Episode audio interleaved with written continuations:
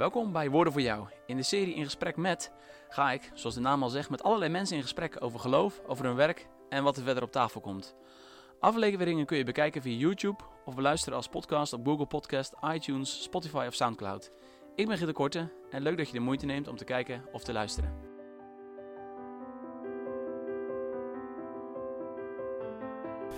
Hartelijk welkom bij deze eerste aflevering van In Gesprek met. Vandaag gaan we in gesprek met eh, dominee Messenmaker.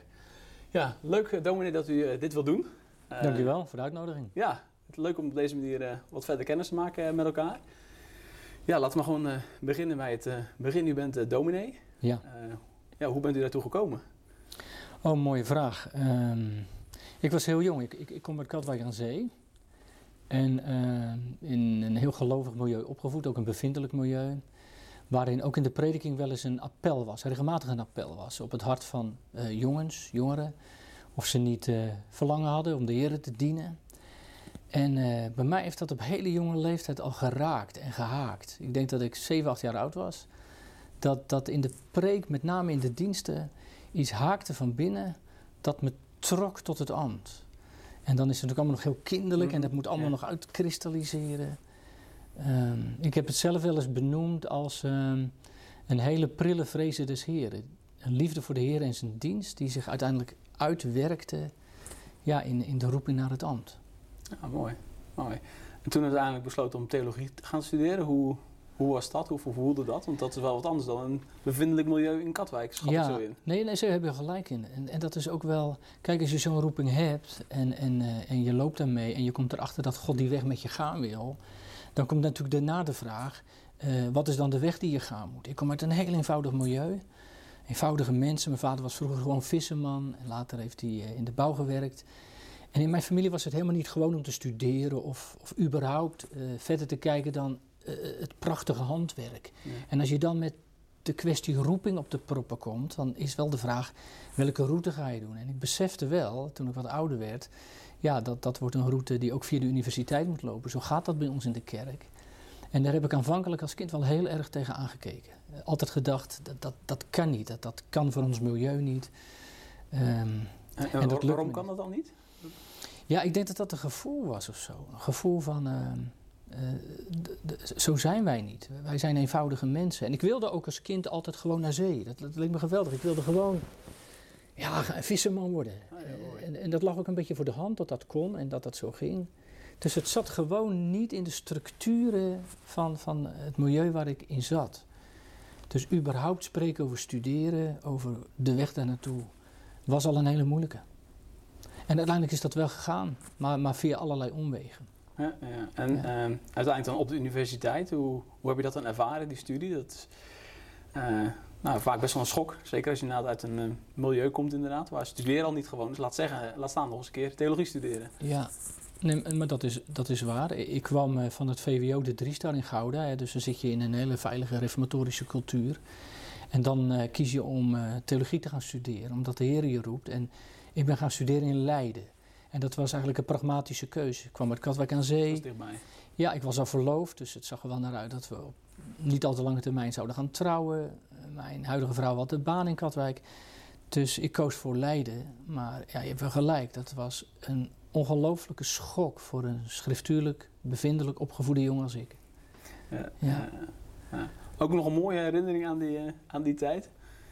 Ja, dat, dat mooie is van later. Uh, Geert. In het begin was het vooral, de schok was vooral, uh, je ging op een wetenschappelijke manier tegen de schriften aankijken.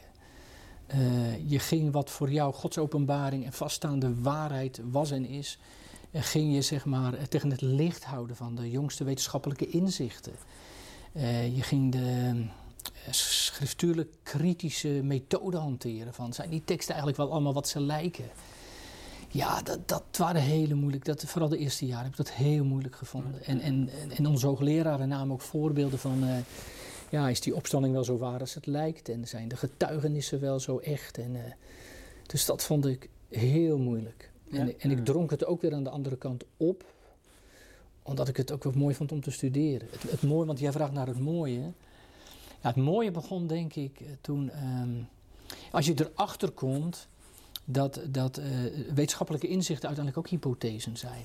Mhm. En dat je daar ook andere hypothesen tegenaan kan houden. En dat, dat de gelovige, gereformeerde opvatting van theologie heel valide is. En uh, het meest valide. En ja, dan wordt het ineens mooi, want dat, dan gaat die schrift ineens sprankelen of zo. Dan ga je het heerlijk vinden om het te ontleden. En dan ga je je verwonderen en dan je het ook verkondigen op een goed moment.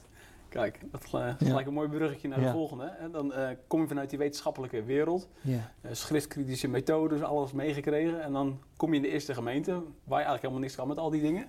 Of uh, valt dat mee? Nou, niks kan is het te grote woord, denk ik. Ehm, het zijn tools, het zijn gereedschappen die je meeneemt. En natuurlijk heb je tijdens de studie ook op andere manieren geleerd met theologie om te gaan, het gereformeerd te kaderen. je op je, op je eigen gereformeerde wijze daar een weg in te vinden.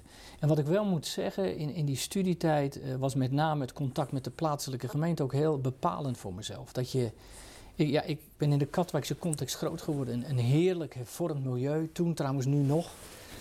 Um, met een bevindelijk, levend bevindelijk leven. En, en, en op zondagen laafde ik mij eraan. En, en dat zet ook een streepje voor mij, of een streep onder de waarheid van Gods woord en openbaring. Dus heel die schriftkritische methode die soms zaagde aan de poten van mijn geloof. Ja, daar kwamen zondag de fundamenten onder van schrift en geest. Dat, en de predikant die mij daarin begeleid heeft, met name dominee H. Visser. Uh, dat is de vader van uh, de wat bekendere dominee P.J. Visser, die nu in Rotterdam staat. Ah, ja. Ja, ja. En uh, dat was echt mijn geestelijk vader, die mij ook in deze fase voortdurend uh, ja, aanhoorde, begeleidde. Mooi. Ja. En dan groeit er ook een verlangen om al die tools die je uh, aangeleerd hebt gekregen, te gaan gebruiken. Dus in de eerste gemeente, je vroeg naar de eerste gemeente, ik moet dan altijd een beetje lachen, want weet je hoe dat gaat Geert? Je, je, dan eindelijk mag je je roeping gaan vervullen. En dan ja, spat je uit elkaar van verlangen, van enthousiasme. En, en, en, nu heb ik wel eens met terugwerkende kracht uh, medelijden. Dan denk ik, ja, wat, wat, wat heb ik veel over jullie uitgestort. En, en wat was het soms overenthousiast. Of ja, later ben ik wel wat meer in balans gekomen, denk ik. Ja, nou, ze zeggen wel eens uh, meer vuur dan, uh, dan licht, zeg maar. Maar is, is, dat ook een beetje wat je dan hebt, zeg maar? Dat je inderdaad zo enthousiast bent dat je eigenlijk soms een stukje wijsheid eigenlijk tekort komt? Ja, tuurlijk wel. Ja, je bent gewoon een jonge, enthousiaste dominee dankbaar en blij dat je in de gemeente je plek vindt. En ja, je, moet je wel voorstellen, een, een, studie als je voor een predikant wordt. Uh, dat is sowieso een studie van zes jaar hè, met de kerkelijke opleiding. Ik moest ook nog een vooropleiding doen, Grieks-Latijn. Dus het was zeven jaar. Uh, dus na ruim zeven jaar gestudeerd heb, kom je eindelijk in de context van het predikantschap. En, en, en ga je doen wat het verlangen van je hart is. En, en, en je hebt gelijk, dan is het heel veel vuur, en later leer wat meer wijsheid. Eh, wat, wat, wat, ja, ik zou bijna zeggen, dat, dan rijpt het iets meer. En dan, ja, dan wordt het misschien iets meer belegen of zo. Dan, ja, ja. Maar dan verlang je soms juist alweer terug naar die eerste tijd van dat vurige enthousiasme. Soms, ja. soms. Ja, soms wel. Soms wel. je had een soort onbekommerd verlangen om, om het... Uh, en, en dat mag ook. Ik denk dat dat goed is bij jonge dominees. Het is ook logisch. Als je wat langer meeloopt, dan, ja, moet je dat zeggen, dingen beklijven, dingen komen wat tot rust. Hoe moet ik dat nou precies benoemen? Je, niet in de veelheid zit de waarheid of de overtuigingskracht, maar soms ook in de diepte en in het gerijpte. Ja, ja. En dat heb ik wel moeten leren ook. Ja, mooi. Ja. En als uh, persoon, eh, ontwikkel je dan ook als, uh, ja, dat moet eigenlijk bijna wel, als je inderdaad zo in de gemeente meer rijpt. Uh, hoe vormt dat je als persoon? Ja, ook wel. Uh, het vormt je ook omdat je, je, doet ervaringen op. Kijk, in het begin, in, in het begin dan, dan ben je zo enthousiast en blij. Dan denk je ook bijna dat jij het echt moet doen. Hè. Zo, zo voelt dat je, je moet het doen en je moet aan de gang en, en het moet goed. En, uh, en je hebt soms ook bepaalde systematieken in je hoofd, zoals je denkt dat het moet gaandeweg, als je wat langer in de kerk werkt en, en ook wat meer mensen leert kennen en, en ook ziet hoe de Heer soms zijn eigen gangen gaat, brengt dat soms ook wat relativering aan. Van, uh, het gaat niet altijd op de manieren zoals wij denken. De structuren liggen niet altijd zo vast als jij denkt. Uh, God is groter dan jouw hart en ook dan jouw theologie en dan jouw manier. Dat heb ik echt wel geleerd. Ja. Ik kan me ook voorstellen dat dat ook wel een soort van zoektocht is als, uh, als dominee. Zo van, ja, hoe, hoe hoor je daarin ook Gods stem? Als je uh, ja, dingen hoort soms inderdaad en je denkt van... hé, hey, wacht even, hoe zit dat nou eigenlijk? Of, uh, ja. ja. Ja, het, het, zoeken naar Gods stem en ook wel het zoeken om Gods stem te mogen zijn en hoe je dat bent. Toen ik jonger was, um, ja, zat, ik er in die zin strakker in. Het moest altijd kloppen. En, en dat krijg ik wel een beetje mee in de opleiding. Op zich is dat wel goed dat je erover nadenkt. Uh, maar, maar de preek moest altijd kloppen, zeg maar. Uh, één naam, twee wegen, drie stukken. Het was ook een soort mantra bijna. Dat moet er allemaal wel in zitten. En, um, en, en ik heb later meer geleerd soms ook los te laten. Dat je bepaalde facetten van het evangelie of van de gereformeerde theologie uit mag stallen. En soms ook zo moet laten staan. Ook in het geloof dat de Heer daar dan zijn eigen weg mee gaat. Dat heb ik echt wel geleerd. Ja, en ik denk, als je nog een ander leerpunt, uh, als ik nog een ander leerpunt aan mag dragen, is dat ik uh, meer uh, ernstiger ben geworden, zeg maar, in hoe ik het soms breng.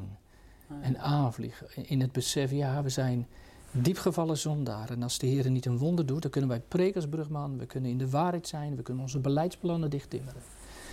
Maar dan gaan we reddeloos verloren met alles wat we met elkaar hebben verzameld en bedacht en geschreven. Ja. Dus dan kun je, heel, kun je heel zuiver op de lijn zijn en een goed gereformeerde dominee zijn.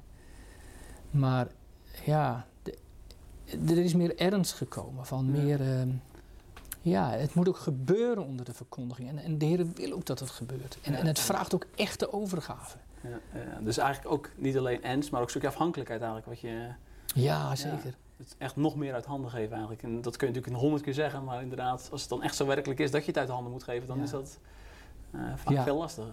Ja, echt het handen geven. Misschien moeten dominees dat wel leren. Meer, ja, dat heb ik zelf ook moeten leren. En als ik om me heen kijk, denk ik, we, we moeten dat steeds leren. Geef het nou eens uit handen.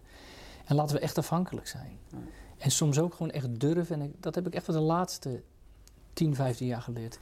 Laat het woord spreken zoals het woord spreekt. En al die theologische kaders, wat ook soms ballast kan zijn. Ja. Zeg nou eens wat er staat. En, en, wees afhankelijk van dat de geest door het woord spreekt. En zo een mens bekeert. En dat God het ook echt doet. En soms is dat ook heel ontspannend, Geert. en in de prediking. Maar ook daarbuiten. Dat, dat van, als je wat langer meeloopt, dan, dan, maak je ook meer mee. En soms denk je, waar moet het heen? Ik heb de scheuring van 2004 meegemaakt. Een absoluut dieptepunt in mijn uh, bestaan als predikant. Maar ook wel geleerd. We kunnen van alles doen. Uh, voor onszelf gaan beginnen of de kerk voortzetten. Allemaal hoe je het noemen wil, dat maakt me niet zo uit. Maar als de Heer de stad niet bewaart, te vergeefs waken de wachters. En als de Heer niet bouwt, te vergeefs werken de bouwlieden eraan. Het heeft me afhankelijker gemaakt. Hm.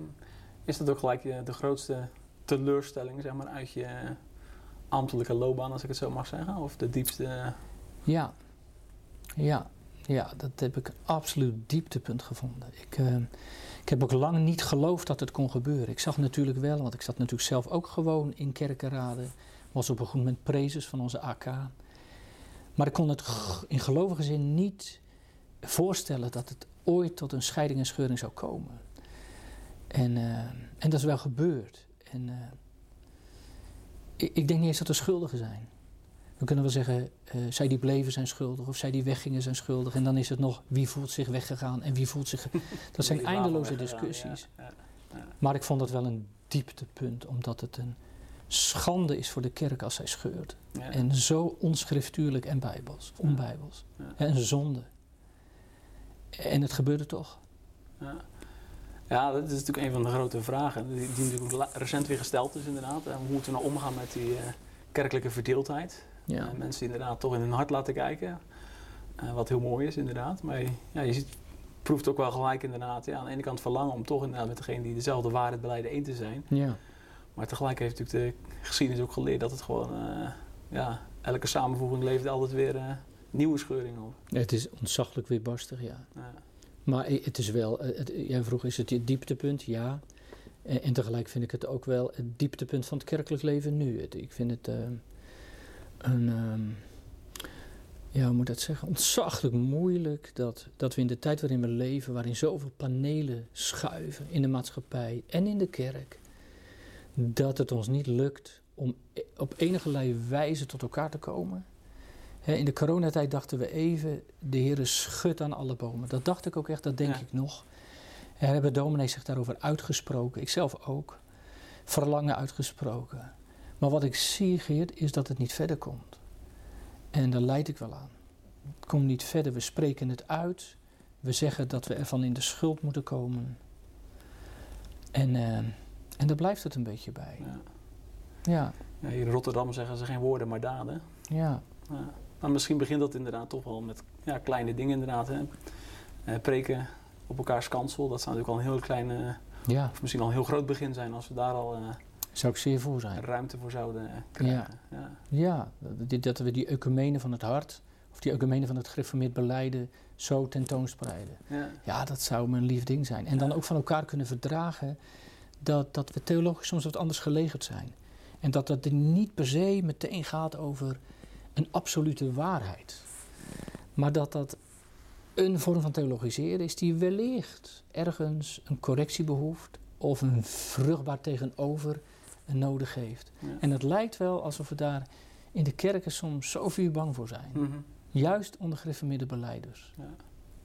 Ja. ja, wat voor mezelf ook wel een soort van les is geweest. Zeg maar, dat je vanuit dat hele kerkelijke verdeeldheid, dat je niet kijkt van hé, hey, waar heb ik gelijk, maar waar heeft de ander gelijk. Ja, Dat is soms heel vruchtbaar inderdaad. Van wat kan ik van die ander leren inderdaad zonder... Zeg dat daarmee alles goed is wat die ander zegt. Of dat je het daar helemaal mee eens bent. Maar wel van hé, hey, waar zit zijn gelijk? En, zeker. ja, En, en het spiegelt ook op je, op je eigen handel of theologiseren. En dat is denk ik heel goed. Maar door de vele scheuringen en zijn we heel eh, monotheologisch gaan denken. Want we hebben ons eigen kerkverband met onze eigen nou ja, theologische inzichten. En in mijn eigen kerk heb je dan je eigen modaliteit. En ik noem dat wel eens monotheologisch denken. En ja, als we er zo in zitten, dan, dan is er heel weinig ruimte om elkaar ja, überhaupt te verdragen. ja. Of te ontmoeten. Of te ontmoeten. Ja, Maar het, het, is mijn lief ding. ja. Je werkt eh, sinds een aantal jaren ook op school. Ja, Wat was daar de motivatie voor om dat eh, te gaan doen? ja, ehm, ja, mensen die mij kennen weten dat ik altijd al eh, een, een warm hart gehad heb voor het jeugdwerk. En, en aandacht voor de jeugd eh, in de kerk, voor de jongeren. En, en daar ook wel in wat raden en eh, commissies heb gezeten. Maar eh, een jaar of tien geleden, eh, de- toen, ik ben predikant geweest in Oud-Beijerland. En de voormalige directeur van de Guido de Bré, van het Wartburg College, de heer Toes, die zat in mijn wijk, was een van mijn gemeenteleden. Ja. En die wist ook wel van mijn verlangens of capaciteiten. En er werd er, het, is eigenlijk heel gewoon, er werd een keer iemand ziek. En ik had dus tegen hem gezegd, als nou iemand ziek wordt, dan, dan moet je hem eens bellen. Ik zou het zo mooi vinden om dat eens te doen. Zo is het gegaan. Oké, een van onze mooi. collega's eh, werd ziek. En ik viel in en ik ben niet meer weggegaan. En is tien jaar terug. Ja, ja, ja. ja, want volgens mij eh, rijdt u ook nog een heel eind ervoor. eh, zelfs nu nog. Ja, want ik woon nu in Nijkerk, dat is op de Veluwe. En ja, het is eigenlijk een beetje te ver. Nou, go- goed, een, een predikant behoort een vrije dag te hebben. Nou, woensdag is mijn vrije dag. Maar ik vul die dus in op school. 's ochtends eigenlijk, 's ochtends geef ik les. En eh, kan daar echt wel mijn hart in kwijt. En wat zorgt ervoor dat u uw hart erin kwijt kan? Ja, dat, dat is denk ik wel. ehm, kijk, je doet in de kerk ook jongerenwerk. En dat is catechetisch werk. En, maar dat is toch net iets anders. Daar leer je de jongeren geloven. Dat, zit in, dat is heel erg ingekaderd ook in het pastoraat en in het gemeente zijn. Dus je kent de ouders, je kent de kinderen.